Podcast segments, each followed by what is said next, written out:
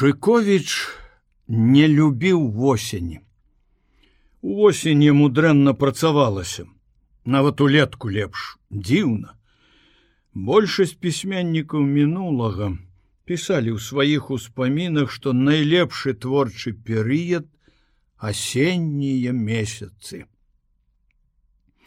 Раней Кірыла тлумачыў гэта тым, што дзеці, пачаўшы вучобу, жонка работу ў школе, заўсёды месяц-два пасля канікул былі неарганізаваныя, шумныя, завальвалі ўсе сталы падручнікамі і шыткамі, займалі лепшыя рабочыя гадзіны падрыхтоўкай урокаў і выцяснялі яго, выбівалі з творчай каляіны. Всё жыццё ён пакутаваў ад кватэрнай цеснаты і марыў пра цішыню.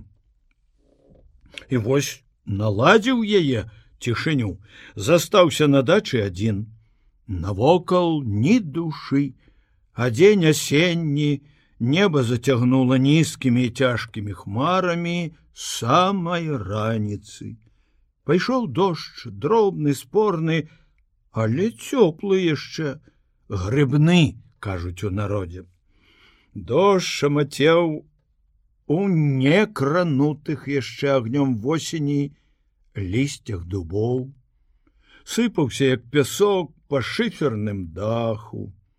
Гэта быў адзіны шум які парушаў цішыну Кірыла смажыў сабе на керагазе яешню. Варэў густую чорную каву і радаваўся дажджу і цішыні. Думаў, з якое салодай натхненнем ён папрацуе.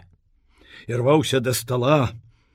Ён пісаў пра арганізацыю падполля першы гаркам непахіснага і мужнага дубецкага, пра групы ганчарова мурыгіна пра яраша, пра ўсіх тых, хто першы пачаў змагацца і пра дзейнасць, каго была поўная яснасць і для яго і для тых, хто будзе благословляць кнігу ў свет. Он пакуль што абыходзіў белыя плямы, іх немало найбольшая група інфекцыйнай бальніцы, якую пакуль што ніхто не прызнае артыкул яго не друкуюць а новыя дакументальныя доказы не знаходзяцца. Это яго злавалы перашкаджала паслядоўнаму разгортванню падзей у аповесці.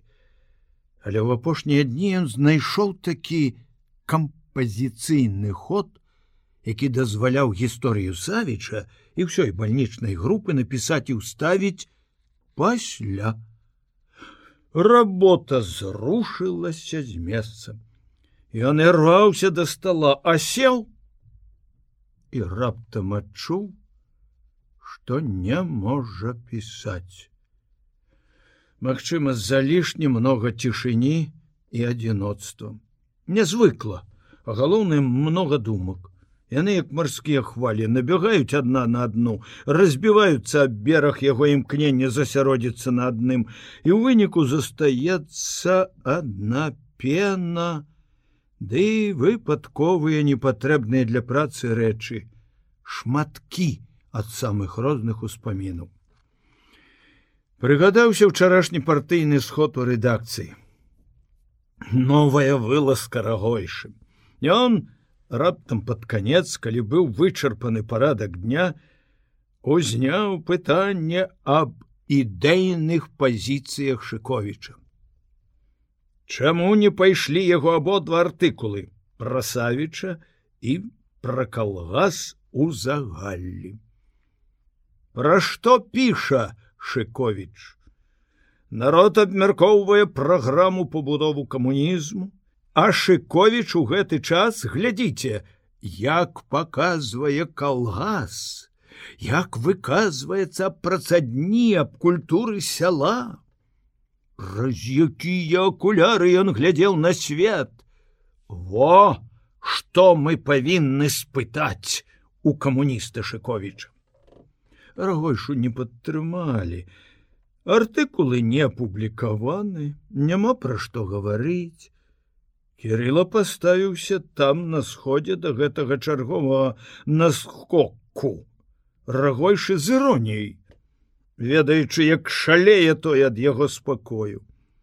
А сёння яго апанавала злосць. Не, чорт возьми я, я даб'юся, што артыкулы будуць апублікаваны адзін і другі. Бо гэта якраз пра тое, пра што запісана ў праграме. В абкам пайду. У ЦК пашлю. Не можа лічыцца лепшым такі калгас як у загальлі і такі старшыня як грак. Ты такі журналіст як ты доўбня. Узрушаны ён пачаў хадзіць по пакоі мансарды Адна масніца скрыпела і гэта яшчэ больш раздражняла і злавала. Ён безлітасна разносіў сваіх праціўнікаў. Рагойшу знішчыў адразу лёгка, ударыў па ту калу, дурняў трэба біць дурняў. А хто гукан? Ён быў замахнуўся і на яго, але рука павісла. Не гэта не дурань. Але хто?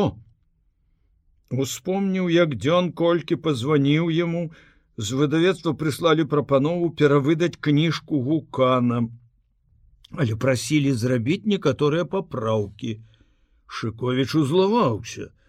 У выдавецтве лічаць што папраўкі павінен рабіць ён літаратурны пісар не даволі не трэба яму лёгкі ганарар ды нарэшце ніякія папраўкі не палепшаць кніжкі прасякнутай духам культу асобы Ён сказаў гукану по тэлефоне я пішу выдавецтва кніга патрабуе карэннай перапрацоўкі і а таму аб перавыданні яе ў наступным годзе не можа быць і размовы. Згодны семён парфёнч гукан доўга не адказваў. Але ў трубцы было чуваць яго цяжкае дыханне. Нарэшце ён сказаў нейкім далёкім голасам. Я вас прашу зайсці да мяне нам трэба пагутарыць. Шыковіч не пайшоў. Трэба табе? Прыйдзі сам. Цяпер ён думаў што яму варта ўсё-таки пайсці і выклікаць гукана на шчырую размову. Але ён адчуваў што пасля пісьма якое паказаў яму тарасаў і асабліва пасля гісторыі з кватэрай для зосі Яму цяжка будзе гаварыць з гэтым чалавекам. Ён адчуваў да гукана не толькі непрыязь, нешта большае. Аднак даследчык у любых умовах павінен заставацца аб'ектыўным, як добры следчы. Возьмуць пачуцці ўладу над розумам. Да ісціны не дакапаешся трэба схадзіць вырашыў ён стоячы каля зашклёных дзвярэй што вялі на маленькі балкончык мансарды. Па жоўтай нахіленай падлозе балкончыка каціліся слёзы дажджу. Растор лугу старыца лазнякі танулі ў дажджавой мгле. Не спачатку трэба ўсё распытаць у зосім чортаў яраш як яна сцерагае яе а? Потым ён думаў пра жончыну скаргу. Іра закахана ў тараса. А ён сустракаецца з гэтай рудой сястрой. Валя гаварыла пра машу не надта прыязна ён кірыла падумаў і тады думае цяпер что Тарас зрабіў правільны выбор. каб выбіраў ён кирилла шыкович то таксама выбраў бы машу.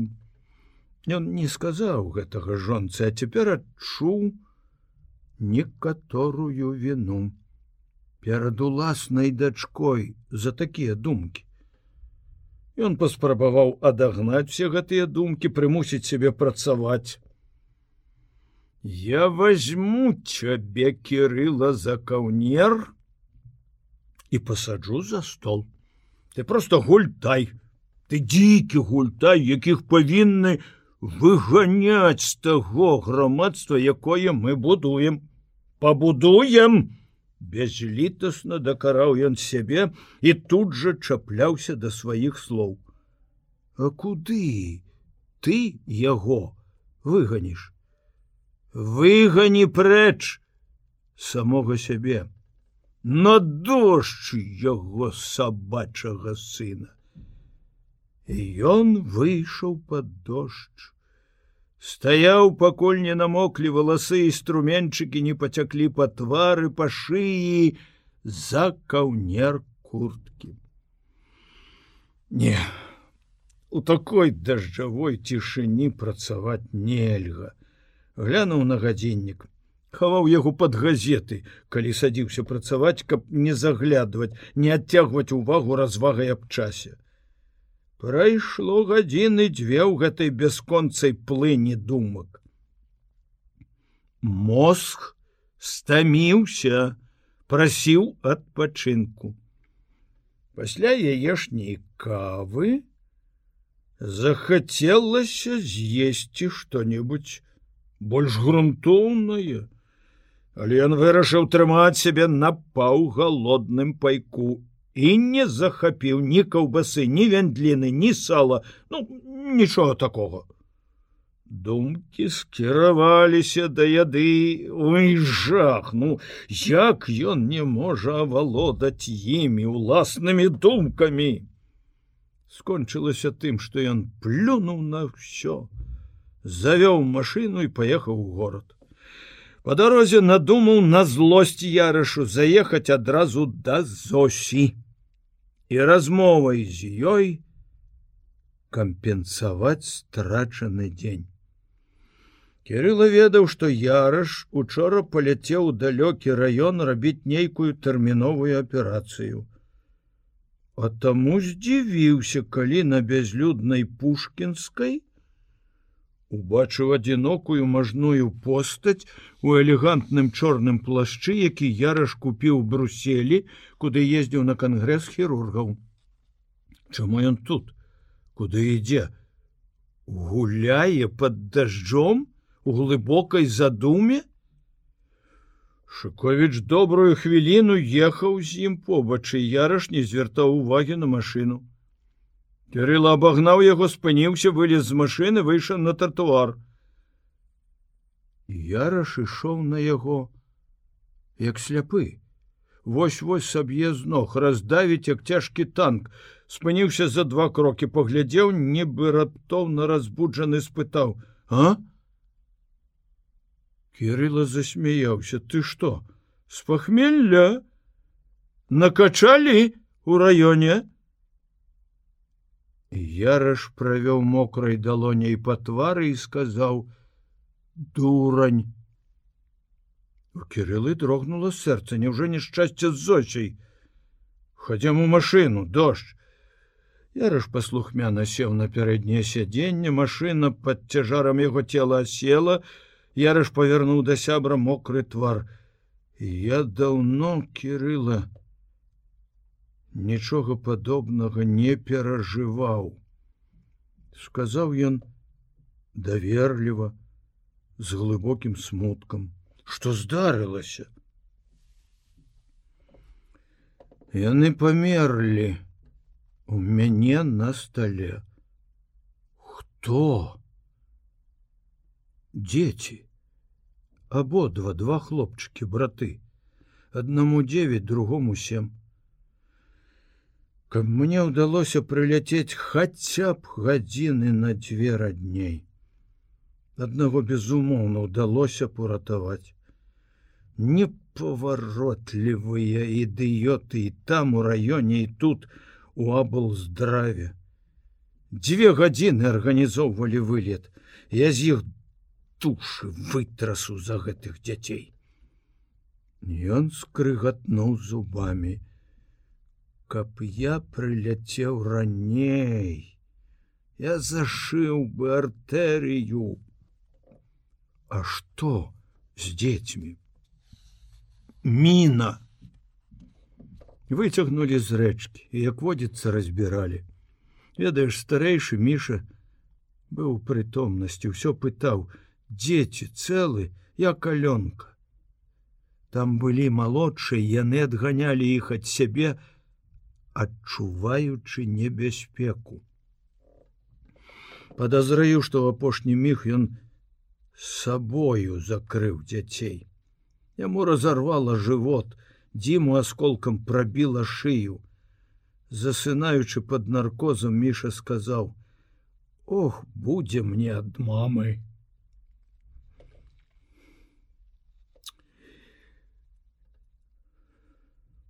Яраш закрыў далонямі вочы, паківаў галавой паўтарыў: « Ох, будзе мне ад мамы. Жахліва кірыла. Ніколі я не быў яшчэ такі бяссільны перад смерцю. Шковіч маўчаў. Што гаварыць? Яго моцна ўразіла і сама трагедыя і той, як яе перажывае чалавек, які бачыў тысячу смерцяў які ўмеў перамагчы яе бязлітасную кастлявую. Яны доўга сядзелі моўчкі. Дождж барабаніў па кузаве. Зрэдку прабягалі з парасонамі і ў накідках прахожыя зазіралі ў машыну не без здзіўлення.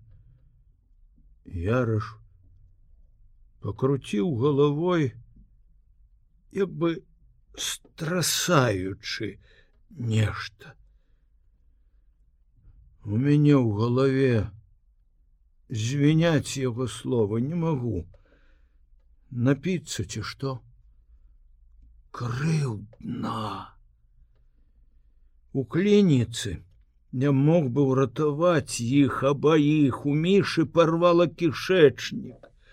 Трэба было ўдаліць парваныя участкі хутка шыць хутка! А там ва участковай бальніцы прыйшлося все рабіць дзедаўскім спосабам. Асістэнтка раённы хірург маладая нявопытная я лихаманіла ты і у самога мяне сорамна прызнацца дрыжалі руки. Жахліва можа двадцать гадоў проляжала яна на дне рэчкі гэтая праклятая міна уяўляеш?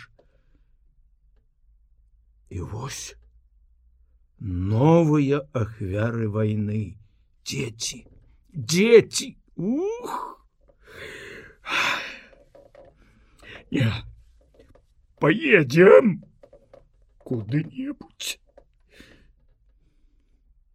Куды? Куды хочаш? Можа, заедем да Зосі? спытаў Шковіч. Так, так, да Зосі. Адразу згадзіўся яраш. Яны зноў маўчалі, пакуль ехалі каля самага дома, Ярыш сказаў: « Толькі не будзем расказваць ёй, пра гэта. Гаспадыня ўзрадавалася гасцям, а Маша, якая жыла цяпер у Зосі, спалохалася. Яна лепш, чым нават Шковіч ведала яраша і яе спалохаў яго выгляд. Увогуле яна стала баяцца яго пасля нядаўняй размовы. Неяк ён паклікаў яе ў кабінет, калі яна ўвайшла, ён сядзеў за сталом, і чытаў блока. Яна спынілася каля дзвярэй, здзіўленая тым, што ён не паглядзеў нават. Это не яго манера. Ён кожнага з персаналу, ці то галоўны лекар, ці то санітарка сустракаў заўсёды аднолькава добрым позіркам прыветлівым словам. Маша чакала імкнучыся здагадацца, навошта паклікана, Ён сказаў, не адрываючыся ад кнігі: Яны пабіліся за вас. Хто? Хоць яна адразу ж здагадалася, хто ёй вельмі захацелася засмяяться. Няўжо праўда пабіліся, подумала з вясёлай гарэзлівасцю, хто каго біў? Яны працуюць у адной брыгадзе. Сем'і нашы дружаць разам жывуць, Навошта вам спатрэбілася сутыкнуць іх лбамі. Каб зрабіць правільны выбар, трэба эксперыментаваць Антон Кузьміч. Адказала яна яго словамі і не вытрымала, засмяялася. Тады ён адарваўся ад кнігі, і паглядзеў на яе. Дзіўна вельмі паглядзеў. Быццам на яе месцы чарадзейна апынуўся зусім другі чалавек, не тая сястра, якую ён ведаў два гады, любіў, цаніў, паважаў, з якой нават пасябраваў пэўным чынам, калі з'явілася зося. Дзіўны эксперымент хмыкнуў ён хіснуўшы головой. Можна вас попросить? Каб вы з нашими сынамі? Таких эксперыментаў не рабілі Ад гэтай яго просьбы падкрэслена ветлівай афіцыйна холоднай, Яна страшэнна збянтэжылася. Як яна недарэчна трымала сябе, засмяялася, сказала несусветную лухту. Ой, праваліцца б лепш скорозь подлогу добра што ён зноў углыбіўся ў кнігу і не глядзеў на яе але яна не ведала як выйсці і ўсё стаяла перад сталом анямелая пакараная найгоршым чынам відаць ён зразумеў што з ёй робіцца бо сказаў попросите калі ласка добровольскую зайсці да мяне Маша ветром вылетела з кабінета. Вось таму яна і спалохалася, убачыўшы абодвух бацькоў. А што калі яны збіраюцца пагутарыць з ёй? Супакоіў Шковіч. Выйшаў за ёй на кухню, спытаў прыветліва па-сяброўску Маша, вы умееце варыць каву? Чорную? умею вы ўсё умееце з вас будзе цудоўная жонка ён даў ёй грошы на каву і каньяк яна ўзрадавалася даручэнню зося захвалявалася была хацела аддзявацца каб прымаць гасцей як належыць гаспадыні але яраш пачаў распытваць яе пра адчуванне прафесійна падрабязна по бальнічнаму і яна зноў залезла на шырокую канапу з нагамі. Сядзела ў куточку, захутаўшыся ў халацік, як малая японачка. Маша навучыла яе адмыслова закручваць валасы, і высокая кукла прыгожых валасоў сапраўды рабіла яе падобнай на ўсходнюю жанчыну. Яраш скончыў распытваць пра здароўе і змоўк. У той дзень яму цяжка было весці размову для размовы, гаварыць пра ўсё.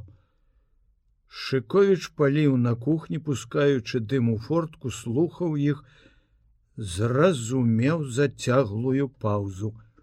Зося сказала нешта пра дождж, яраш крыху іншымі словамі сказаў тое ж. У вас стомлены выгляд, Антон Кузьміч. Э, я сёння прыляцеў з раёнам, камандзіроўка, але Шковіч кінуўся на дапамогу сябру. Софья Степановна, не сумна вам адной у гэтым доме спытаў ён жартаўлівай весялосцю, сядаючы ў зручнае нізкае крэсла. О не, я чытаю у мяне добрыя суседзі, яны наведваюцца, а потым прыходзіць з работы Маша. Вось так пагаварылі яшчэ пра тое сёе. Нарэшце Кірыла падступіў да галоўнага асцярожна, далікатна Софья Степановна. Скажите, калі ласка, вас не вельмі расхвалюе размова пра мінулае. Яна ўздрыгнула, насцярожылася, пра якое мінулае, ну напрыклад про войну про смерть бацькі. А что вас цікавіць? Что мяне цікавіць ён полез во ўнутраную кішэню пінжака дастаў складзеныя лісты паперы.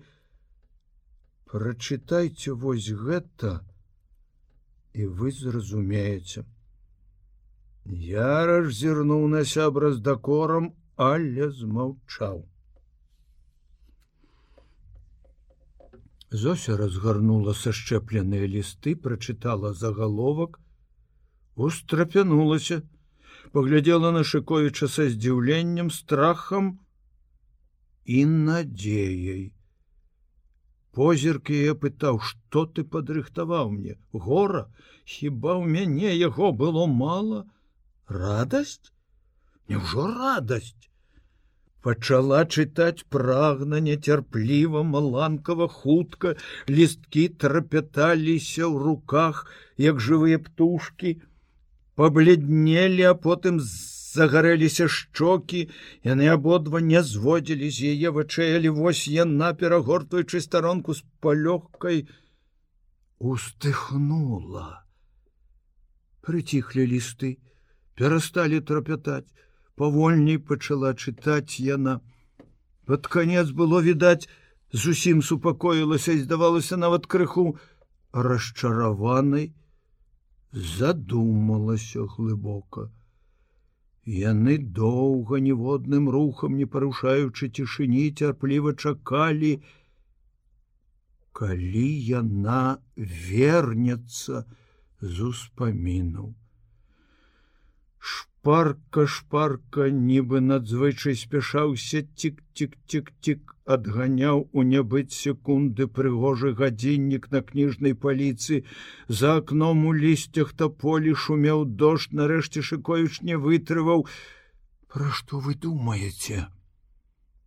Яна не ўздрыгнула не схамянулася паглядзела сухімі и але напоўненымі святлом удзячнасці вачами спакойна адказала: Я думаю, як хораша, што ёсць на свеце такія людзі, як Антон Кузьміч, як вы. Ой, ой. Дякую. Дякую вам. Падзякі пасля ды і не мне павінны ну адрасаваны антону справа іншая а за тое што ў нашы дні ўсюды аднаўляецца справядлівасць вы ведаеце каму дзякаваць Цяпер вы разумееце, што мяне цікавіць. Як загінуў доктор Савіч. Хто яго забіў? Вы былі пры гэтым. Зося паківала головой не не была, потым сказала: « Я думаю, тата застрэліўся сам? Рассказ зосі савіч вы помните антон кузьміч я рассказывала вам бацька вельмі асцерагаў мяне я па сутнасці была схавана ад свету толькі ваше з'яўленне ды калі я шукала тараса а больш я нічога не зрабіла. Мне ніхто нічога не даручаў. Я ведала, бацька сумленны чалавек, але ці проста сумленны лекар, ці змагар, Я здагадвалася, што нейкім чынам ён памагае нашим але як? Спрабавала гутарыць з ім пра гэта. Ён умеў адвесці размову ў бок разы два ўзлаваўся і загадаў каб я не совала носа куды не трэба. Малая яшчэ сказаў ён. Не нам з табой займацца палітыкай. Не думай что гэта романтыка як у кніжках. Ты у меня одна яшчэ тата часто казаў каб я не думала что ён служыць чужынцам ён лячыў і лечыць сваіх людзей. А людзі гэта самае каштоўнае. Останутся людзі гісторыя не спыніцца і не пойдзе назад. Будуць жыць людзі будзе жыць краіна і тая ўлада якой народ даражыць. Вось так ён гаварыў. Это я помню бо словы гэтыя ён казаў часта. Я не згаджалася. А хто ж будзе ваяваць? Ён злаваўся. Немного будзе карысці калі пойдуць ваяваць дзеці як ты ці такія старыя як я. Я пасля толькі зразумела, што бацька проста асцерагаў мяне любым чынам, абы я была далей ад таго, што рабілася навокал. І раптам это было перад першым маем так дні за два. У той дзень нашу ўзарвалі электрастанцыю пасярод дня так грымнула, што нават у нас, а гэта ж вундзе, вылетела шыбу мансардзе ў пакоі грота. Нямецкі лекар у нас жыў, казалі, што міну кінулі ў топку і выбухнуў кацёл. Група шылава, сказаў Шковіч, пішу пра іх. Што? незразумела Зося. Хто ўзарваў станцыю, камсамольская група. Загінулі хлопцы. Володя шылаў зачыніўся ў трансфарматарнай будцы, і адстрэльваўся да апошняга патрона жывым не здаўся за лішняя смеласць і рызыкоўнасць загубіла. Зося помаўчала як бы ўспамінаючы на чым перапынілася бацька прыехаў позна калі сцямнела на санітарнай машыне заехалі ў двор. Ён ніколі не заязджаў у двор. Я выскочыла насустрач. Тата попрасіў мяне памагчы шафёру аднесці на кухню мяшок бульбы і мяшок мукі. Мы аднеслі. Грот быў дома.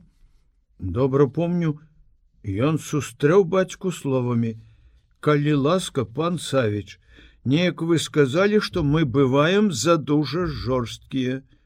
Не, мы мяккія, мы немцы, увесь час пакутуем ад сваёй, мяккасці і дабраты, а жорсткасць там. Жорсткасць і дзікунства, каму перашкаджала электрастанцыя, давала святло ў вашу больніцу, мой шпіталю, наш дом. Ён так і сказаў: наш, А цяпер будзем паліць, як это вы сказалі Софа? Звярнуўся ён да мяне.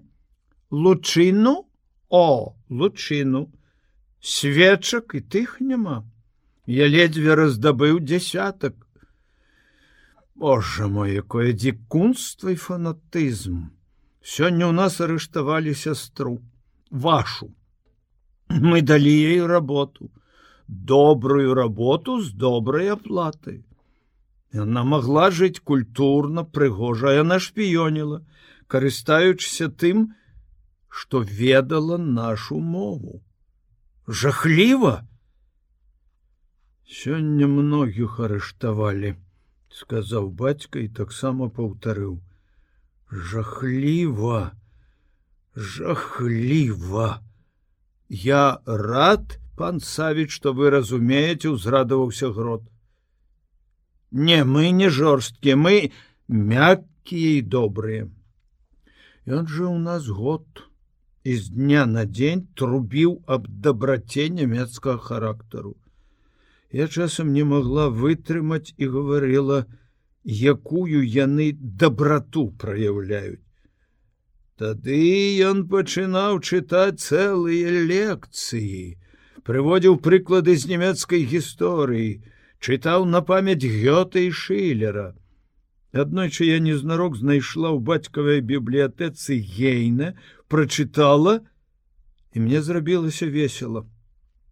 Я прачытала яму, гроту. Что пісаў пра нямецкі характар гейна грот разумеў крыху па-расейску я по-нямецку звычайна спакойны ён узлаваўся. Сказаў что гейны жыт а ўсе жыды злейшыя ворагі нямецкай нацыі.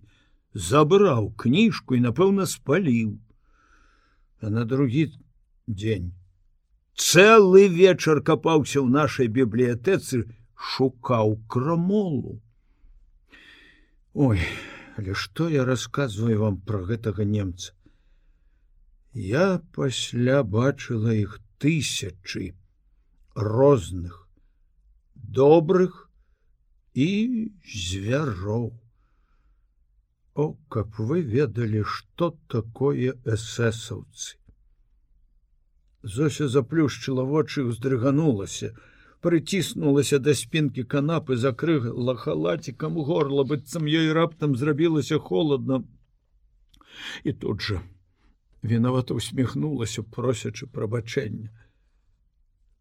Калі грот павячэраўшы падняўся да сябе, бацька прыйшоў на кухню, дзе я мыла талеркі, абняў за плечы, прашаптаў: Зося, дзіця маё, у нас у садзе хаваецца чалавек. Я пойду да немца гуляць у шахматы. Ты адсунь свой ложак, Пасцялі за ім на подлозе, адчыні акно. У твой пакой грот ніколі не заходзіць. Ой, каб вы ведалі, што я адчула калі я схавала вас антон кузьміч я хавала вас і ад бацькі бо не ведала як ён паставіцца што зробіць калі даведаецца. Гэта вельмі цяжка любіць і не верыць. А верыць лёгка калі людзі робяць одну справу калі яны аднадумцы разумееце? Я нескладна рассказываю Але вы зразумееце з вами і з тарасікам я вымушала бацьку нешта рабіць, ведаючы, што дзеля мяне ён зробіць усё, выканае і сур'ёзную просьбу і капрыз. А тут раптам все мянялася.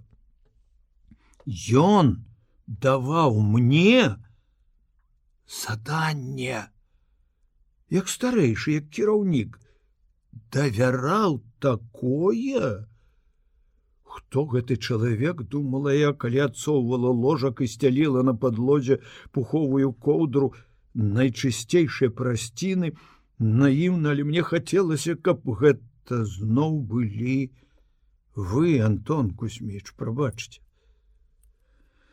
дзверы ў мой пакойчык под лесвіцай на мансарду. Я пакінула ў пакоі свечку зышла на лесвіцу ці не відаць ложак колькі пражыла колькі хадзіла малая я ніколі не зазірала з лесвіцы ў адчыненыя дзверы што відаць у пакоі грот які бесцырамонна лазіў нават у кухонныя каструлі ў бочки ў пограбе ні разу не адчыніў дзвярэй майго пакоя. Это праўда. У гэтым ён быў інтэлігент. З радасцю і страхам я адчыняла акно а потым стаяла ў калідоры і слухала калі ён залезе і баялася каб у цемры не нарабіў грукату. Ён зрабіў гэта вельмі асцярожна Я пачула толькі як рыпнуў незнарок закрануты ложак. Пасля гэтага я доўга яшчэ стаяла, потым сядзела на кухні, думала, што рабіць далей бацька не сказаў: можна мне заходзіць у пакой ці нельга, можа, чалавека трэба накарміць. Врэшце я рашуча са свечкай у руках увайшла ў свой пакой. Убачыла, што коўдру і пра сцяну ён палажыў назад на ложак, Я заглянула за ложак. Чалавек быў доўгі, худы, барадаты, такі доўгі, што каб выпрастаўся, то, напэўна, ногі высунуліся б з-пад ложка. Таму ён сагнуў іх, і вострыя калені траханне вытыркнуліся над ложкам. Вочы яго бліснулі насцярожанай падазрона. Ён ляжаў у ватоўцы ў ботах, трымаў руку за пазухай, ад яго пахла зямлёй. Я спытала шэптам прынесці вам вячэру? Ён палажыў далоню на бараду на вусны паківаў галавою не але я ўсё-таки прынесла яму кавалах хлеба з маслом бутэльку чаю і яшчэ нешта. Я знарок хадзіла шумна як звычайна ляпала дзвярамі Можа, праз гэта ён зірнуў на мяне злосна і зноў прыкрыў рот рукой. Калі роўна без чвэрці 11 самая цікавая партыя адкладвалася на заўтра, такі ён быў акуратны грот. Бацька спусціўся з гарышча. Я паведаміла, што ён тут.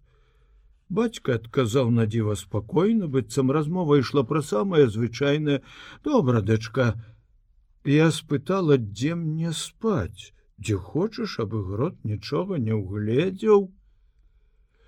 Пакуль немец чысціў зубы, умываўся, я ў сваім пакоі перабірала бялізну, знарок пакінуўшы дзверы крышку прачыненымі.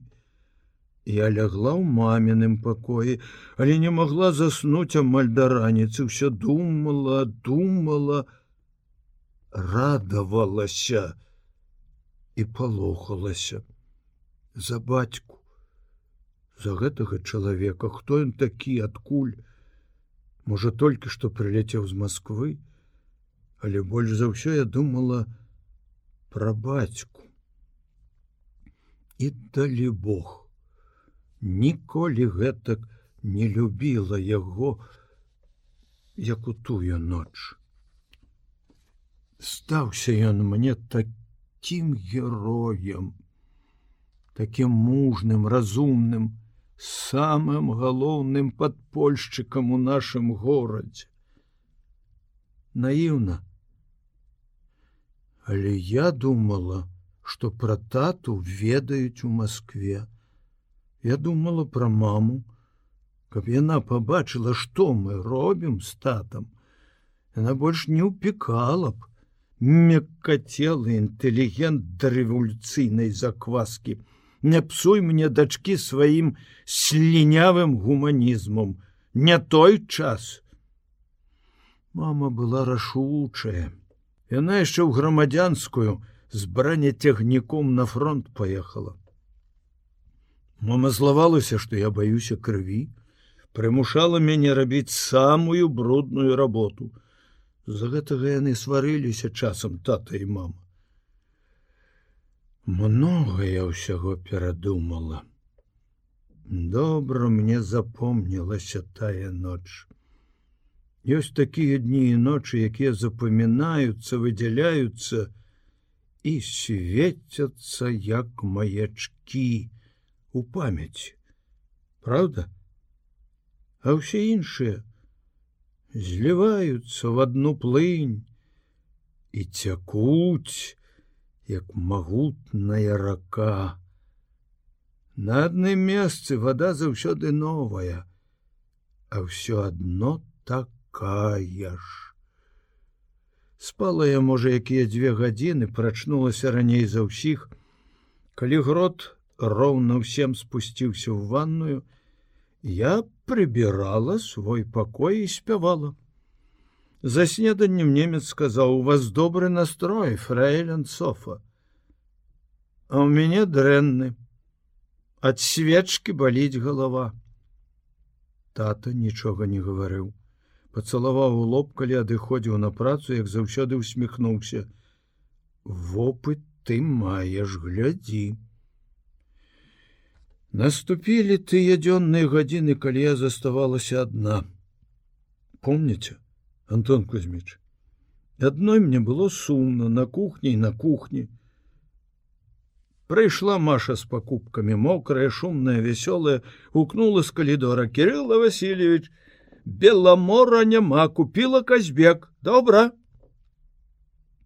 Зазірнула ў пакой, убачыла іх, засяроджана ўважлівых, сур'ёзных, насцярожылася. Сядайце, Маша, послухайте сказаў шыкович хуценька занатоўваючы нешта ў запісную кніжачку. Маша поставила сумку каля парога. Я сказала ему вылазьте у доме нікога няма будем снедаць Ён падняўся з-за ложкой он быў высокі але не такі доўгі як здаўся мне калі ляжаў і не такі худы так звычайны чалавек з тых, якія ніколі не паўнеюць, хоць ты іх пакладзі і знарок адкормлівай. Перш за ўсё ён глянуў на акно, потым агледзеў пакой і мяне. Можа, я была такая ўражлівая, мяккацела інтэлігентка.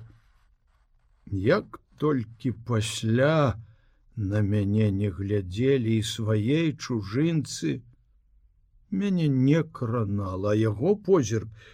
Вы прабачце можа я рассказываю дробязі глупства але я шчыра.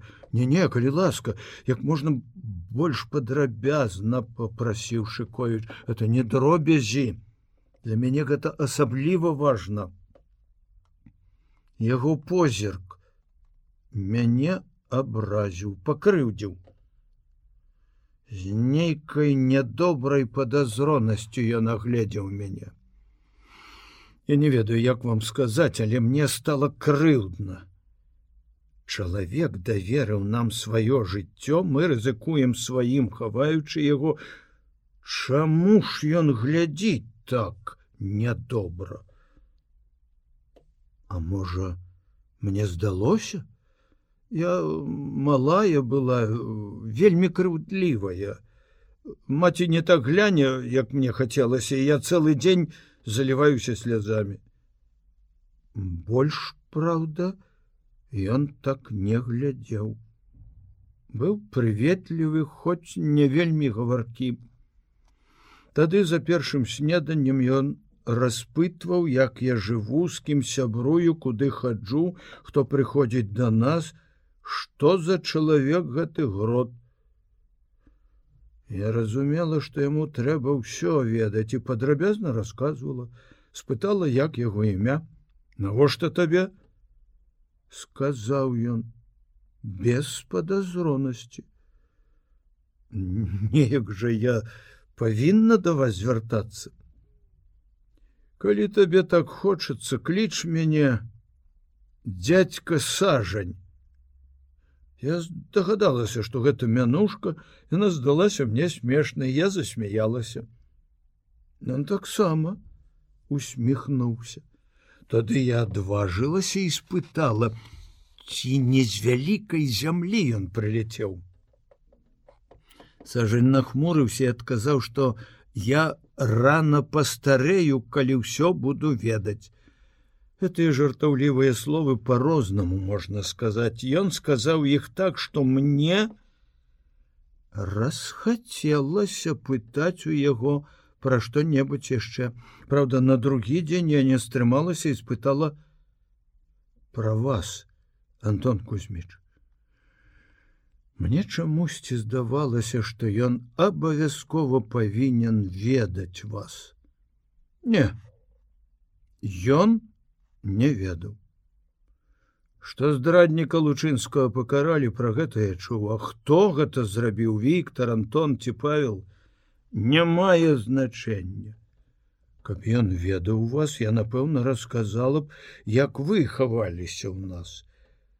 Але пасля яго слоў, што не мае значэння, хто забіў лучынскага, мне зноў такі, расхацелася расказваць яму про вас.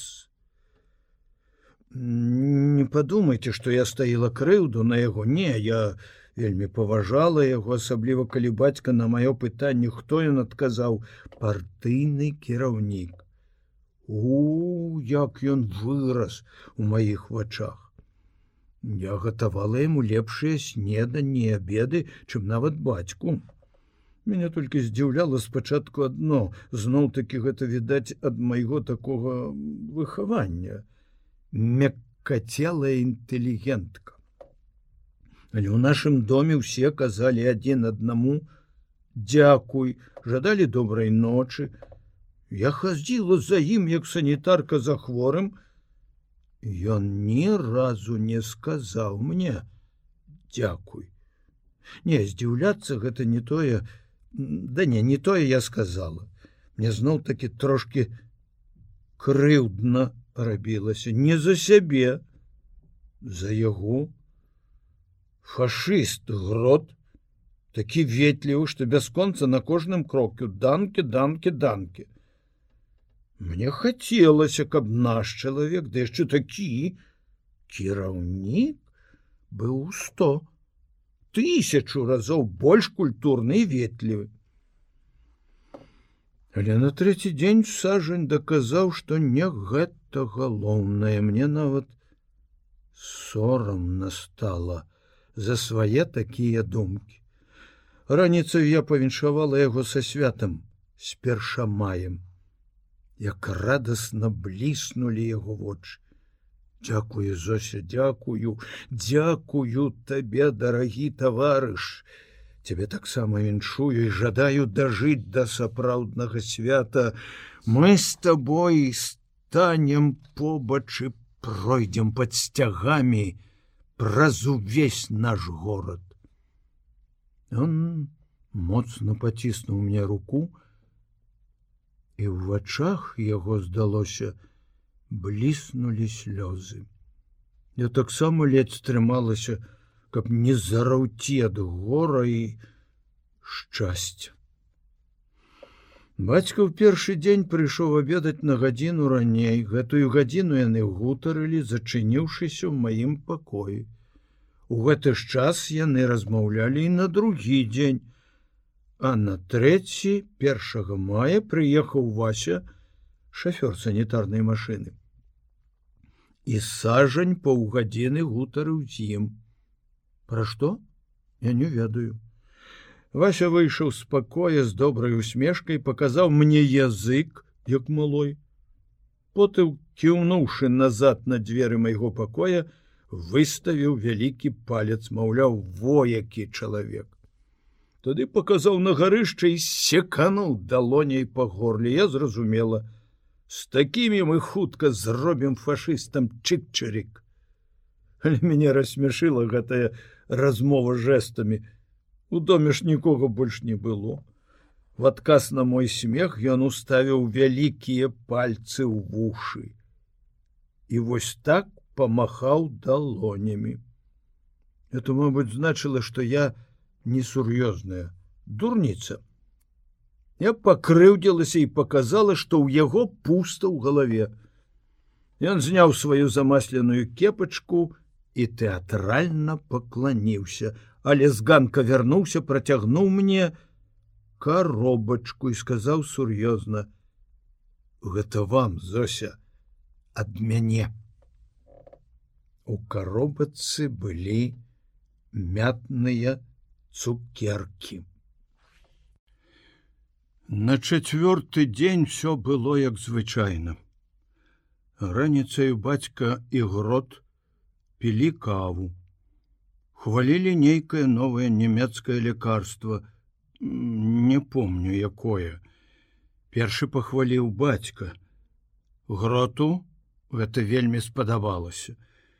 Яны разам выйшлі з дому. Я карміла снеданнем дядзьку сажаня, перад абедам бацька зноў гутарыў з ім.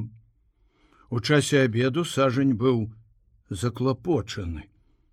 І раптам вельмі даверліва паведаміў мне, што яму ніяк не могуць дастаць надзейнага дакумента, і ён не можа выйсці з горада, бо ўсюды застава ў горадзе ўсё яшчэ ідуць арышты. Сумна пажартаваў. Ем хлеб дарэмна. Мала што ў гэты раз зрабіў, і хлопцы недзе непакояцца, што са мною. Бацька ўвечары прыехаў раней, чым звычайна. На той жа санітарнай машыне.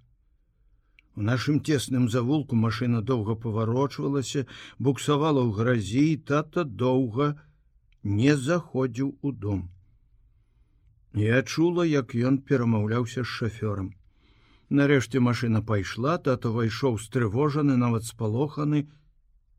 Такі ён не быў яшчэ ніколі. Я спытала, што здарылася, Ён заспакоіў нічога, нічога, дачка. А сам адразу пайшоў да яго. Праз колькі хвілін яны выйшлі і сажань упершыню агледзеў увесь дом, нават падняўся ў пакоі грота. Неўзабаве зноў прыехаў Вася. Бацька адчыніў вароты, ён заехаў пад самы ганак, зноў зваліў мяшок бульбы, сказаў бацьку: « Аглядалі двойчы адсюль і сюды, злосныя, як сабакі. Падымі хлопцам. Калі да ночы нічога не здарыцца, мы выведзем яго на элеваторную. Яшчэ пра нешта яны шапталіся калі вася паехаў я зноў спытала ў бацькі што ўсё ж такі іх устрывожыла арыштавалі наших людзей каля дома ж нырае тайны агент паліцыі на пушкінскай правяраюць дакументы тройчы агледзелі нашу машыну сажань перамясціўся ў пограб под домам у нас вялікі пограб лазілі ў пограб з кухні але на двары каля сцяны быў люк э, для вентыляцыі і бульбу ўвосень праз яго ссыпалі. Ён быў яшчэ закрыты з зімы люк. Бацька адкрыў яго. Потым сказаў мне разведаць сцежку. Была ў мяне патаемная сцежка, па якой я бегала яшчэ да вайны да адной сваёй сяброўкі аднакласніцы адстаўляла дошку ў паркане пролазіла ў суседні сад такім жа чынам з таго саду у вішнёвы завулак потым на клімаўскую і сюды на элеваторную даракі але прыехаў грот Ён часам прыходзім пехатой пакідаючы машыну ў шпіталі часам прыязджаў машына начавала ў двары У той вечар, як на злосць ён доўга корпаўся ў ёй, нешта рамантаваў, мыў. Шковіч заўважыў, што забываючыся Зося пачынае расказваць для аднаго Антона Кузьміча. На яго аднаго глядзіць да яго аднаго звяртаецца, але так быццам ён той адзіны сведка, які можа пацвердзіць праўдзівасць яе слоў. Схамянуўшыся яна вінавата усміхнецца ўсім ім і пэўны час расказвае яму шыковічу з нейкай дзіўнай насцярожанасцю, сочачы, як ён записывае. То піша доўга, нібы стэнаграфуе, то ўзмахам пера ставіць нейкі іерогліф, толькі яму зразумелы. Маша скінула чаравікі і босая на насочках выйшла на кухню, відаць, паставіла чайнік. А потым стала ў калідорчыку і слухала адтуль. Шыковіч умеў і ўважліва слухаць і ўсё прыкмячаць навокал.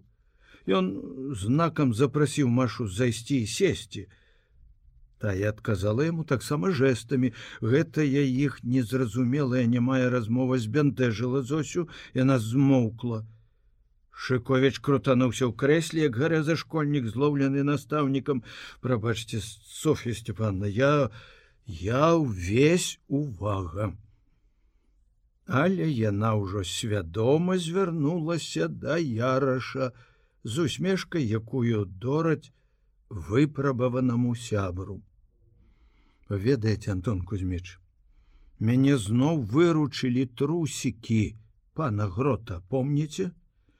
Я засунула аднаго заватнік і полезла ў суседскі сад абышла паўз паркан і знайшла дошку якую можна было адсунуць без шуму выйшла гаспадыня не тая якая жыла да вайны жонка нейкага белагвардзейца эмігранта, які вярнуўся з Геррманіі і займаўся камерцыяй. Я растлумачыла ёй, што ўцёк трусік. Я баялася, каб ён не папсаваў вашы дрэвы. Старая дурніца пацалавала трусіка, якога я показала ёй, якая мілая мордачка. Гроту я таксама сказала, вярнуўшыся ў свой двор, што ўцёк трус. Ён узяў яго спрытна і бязлітасна. Мяне заўсёды палохала і абурала, як ён браў гэтых няшчастых жывёлінак. Вось так двума пальцамі за скуру. А ты хочаш уцячы, сказаў ён трусу. Заўтра я цябе пакараю за гэта. Мне шкада цябе, але чаго не зробіш у імя навукі. Як толькі сцямнела і грот падняўся да сябе, бацька сказаў: « Выводь, дачка, шчасліва вам. На клімаўскай сустрэне Вася, калі ж не сустрэня, Ён даў адрас на элеватарнай нумара. Не, ужо не помню, здаецца 19.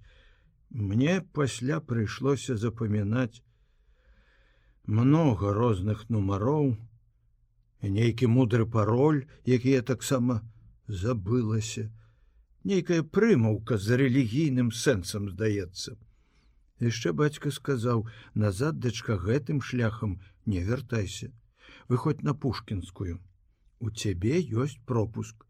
І зайдзі да цішчанкаў старая занемагла і вельмі прасіла каб ты зайшла. А зайди абавязкова так трэба бургамістрша сама мне звонила дні тры назад. Але мне было агідна ісці да гэтай звар'яцелай ад страху бабы якая дзень і ноч малілася але калі бацька сказаў что так трэба для канспірацыі так мне здалося тады Я готова была пайсці хоць да самога д'ябла. Толькі пазней, вельмі позна я здагадалася, што мой добры, разумны, наіўны тата хацеў такім чынам уратаваць сваё адзінае дзіця.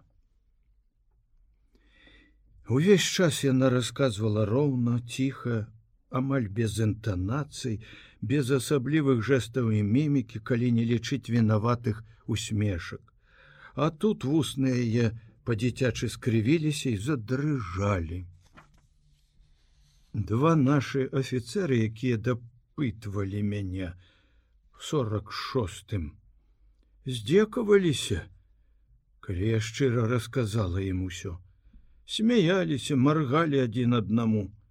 Сіла дзеўка, значыцца, правёўшы падпольшчыка, вы адразу ж пайшлі суцяшаць жонку гарадскога галавы.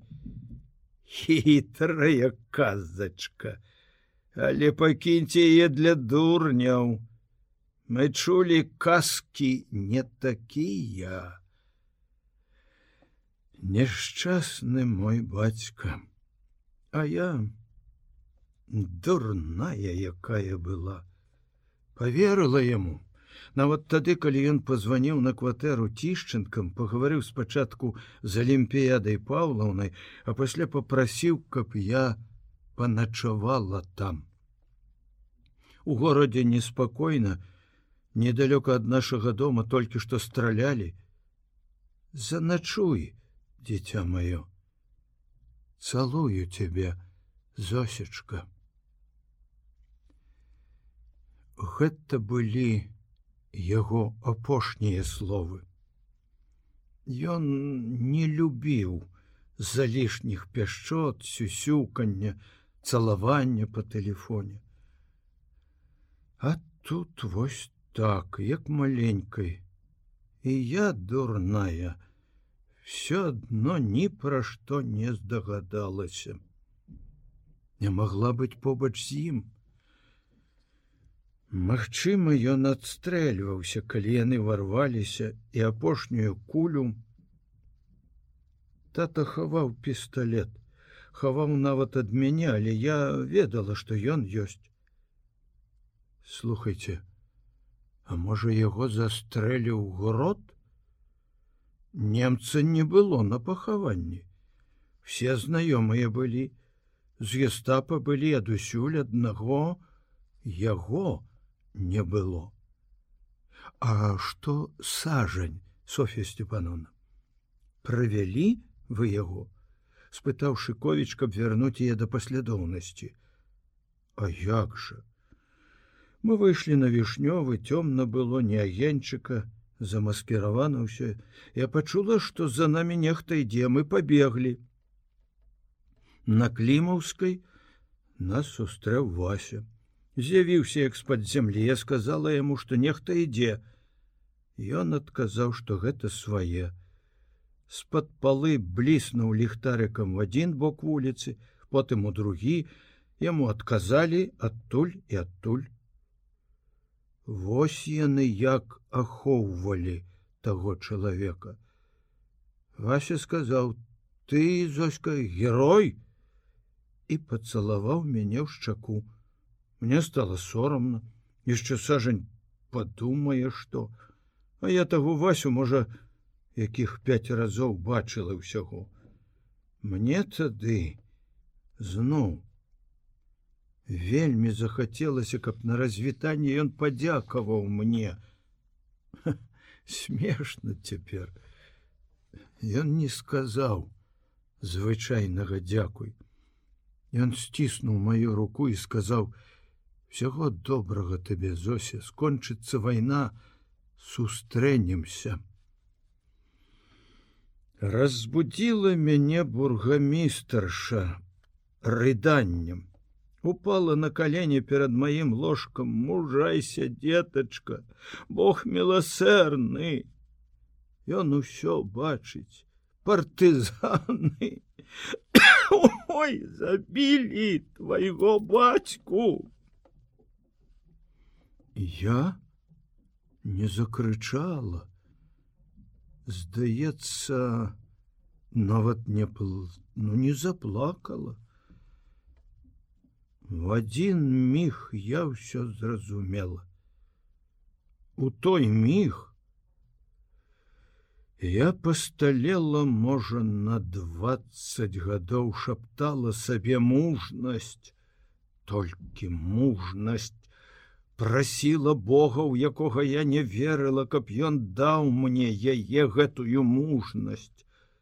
каб я здолела ўсё перажыць і маўчаць. Маўчаць маўчаць.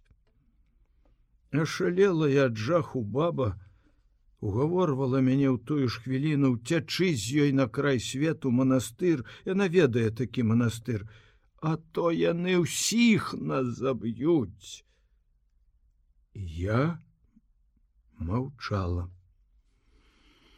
Два агенты геста павезлі мяне на рамізніку па горадзе, выказвалі спачування.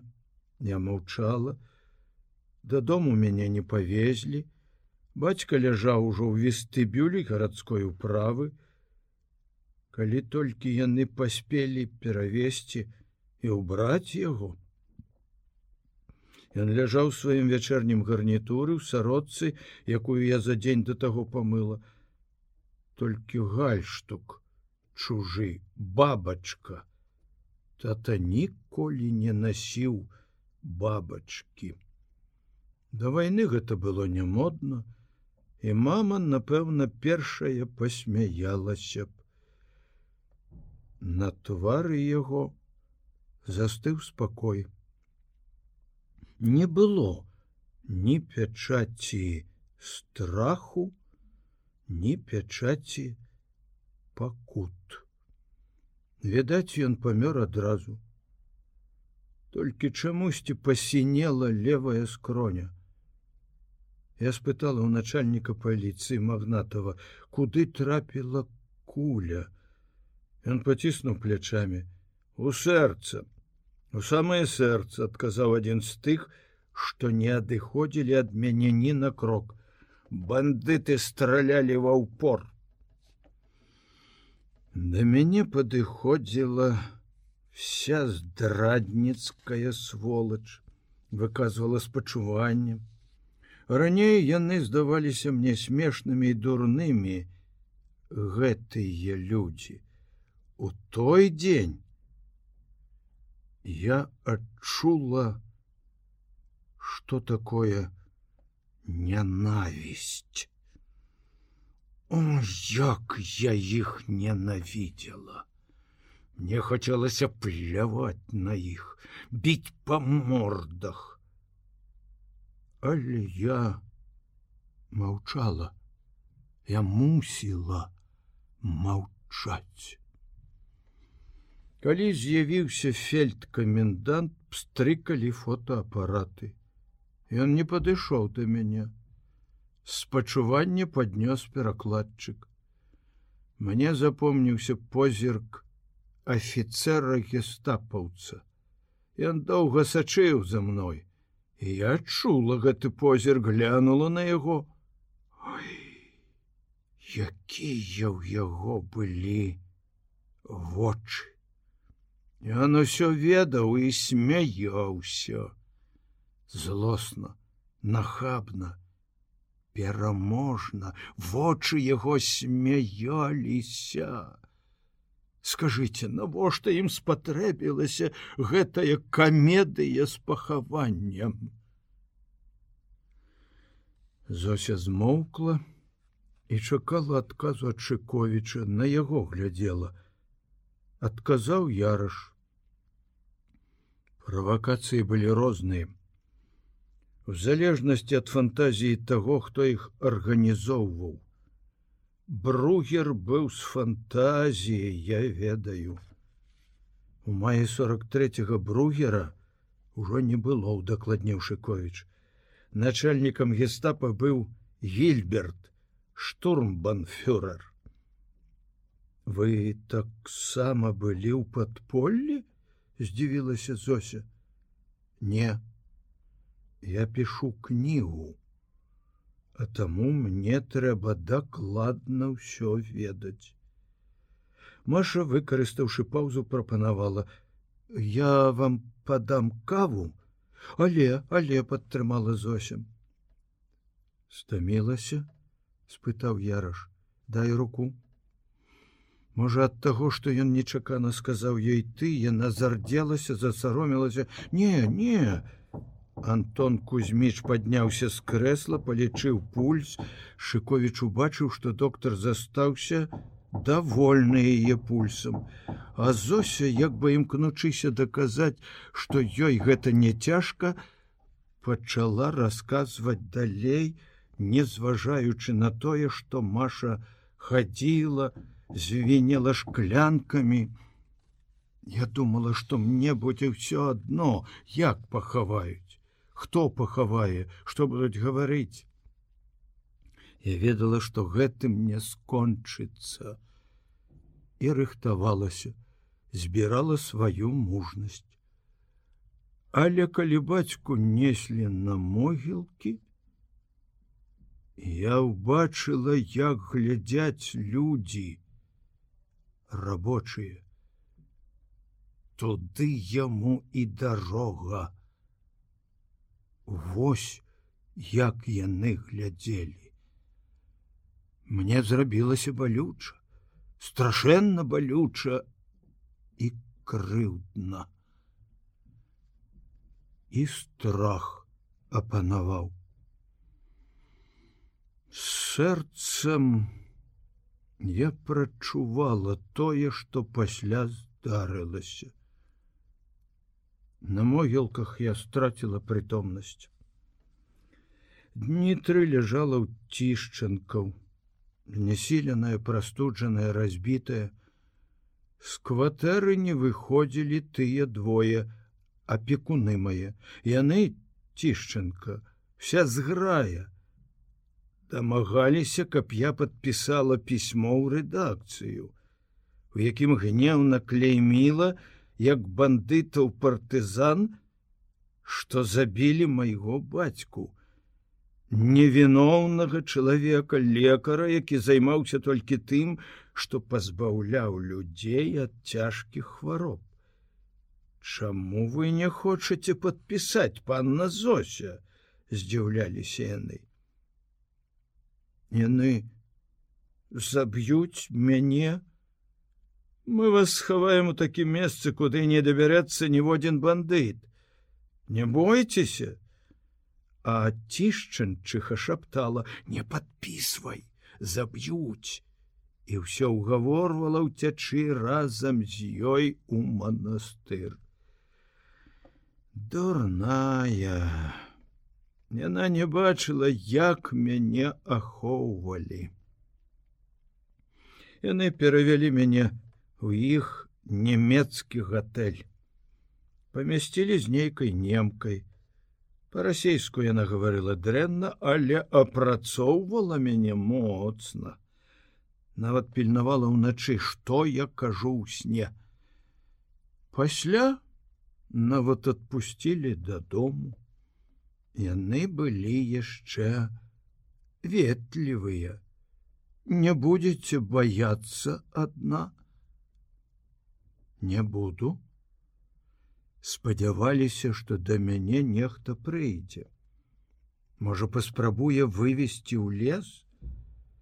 У іх немало было клопату сцерагчы мяне. Але ніхто не прыходзіў і хутка ім абрыдла гэта тыя ж два апекуны адвезлі мяне у гестапа.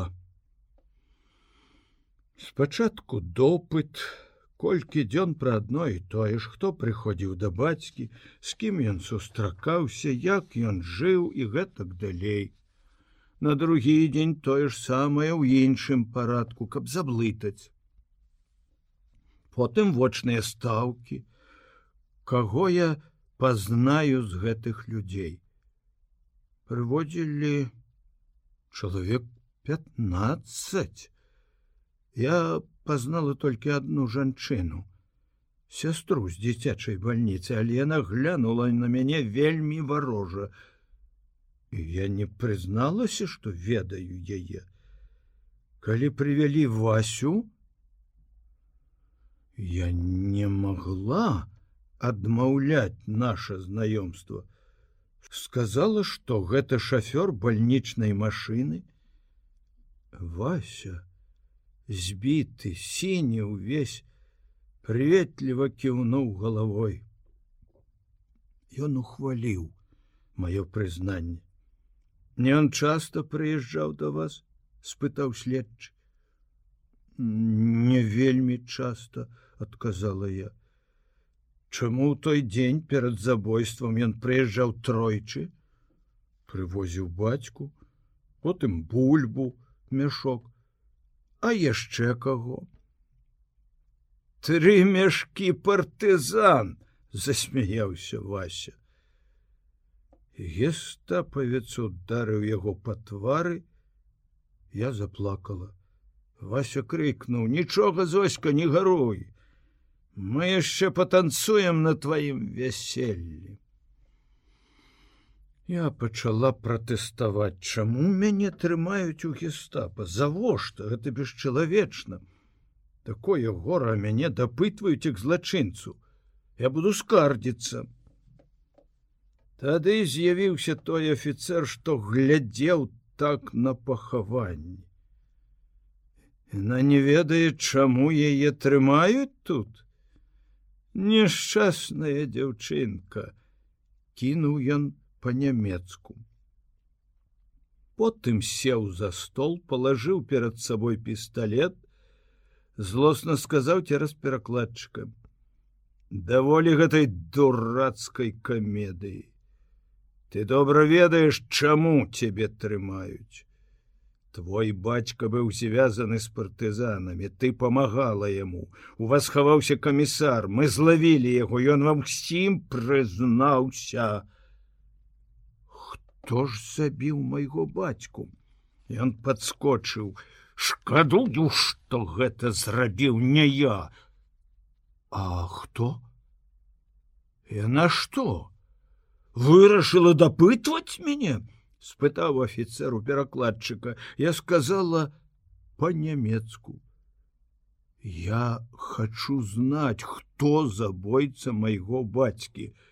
А камісара вы выдумали калі грот хірург шпіталя і ёсць той камісар тады так.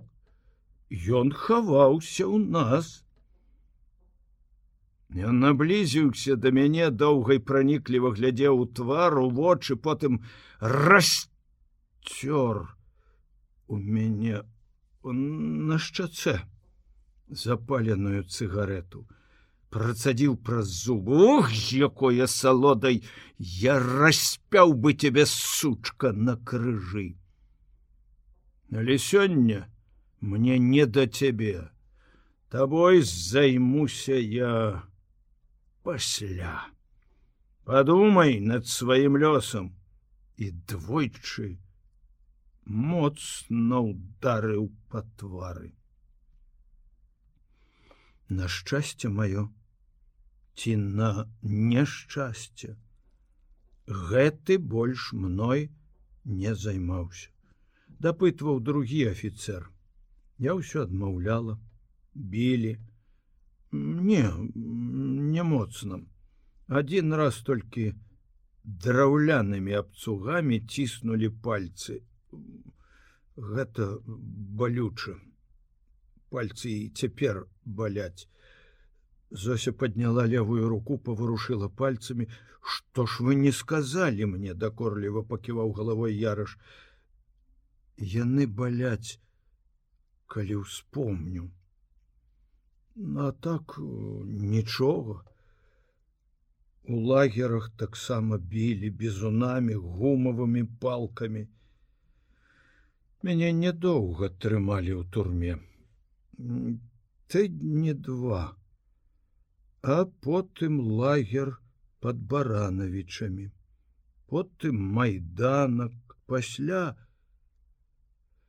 Я ўжо нават не помню іх усіх лагераў якіх была. Мяне чамусьці часто пераводзілі. Апошні жаночы лагер под гісенам нас вызвалілі амерыканцы. Вельмі можа быць што яна ўсё-таки стамілася а таму спяшалася як можна хутчэй скончыць свой расказ. Маша гэта адчула першай шумна пляснула ў далоні, як бы ставячы кропку: таварышы, астывае кава.